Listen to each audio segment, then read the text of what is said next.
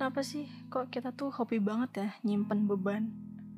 Udah tahu bukan urusan kita. Eh, malah jadi pikiran.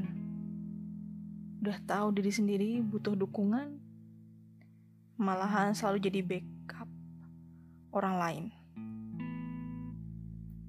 Come on, ayolah mulai sadar.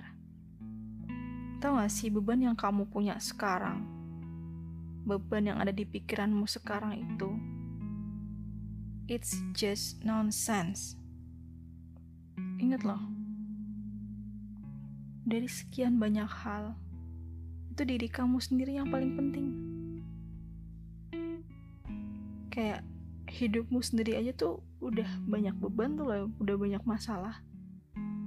Kayak ngapain sih masih nambah beban mikirin hidup orang lain? Baik amat. Mau jadi relawan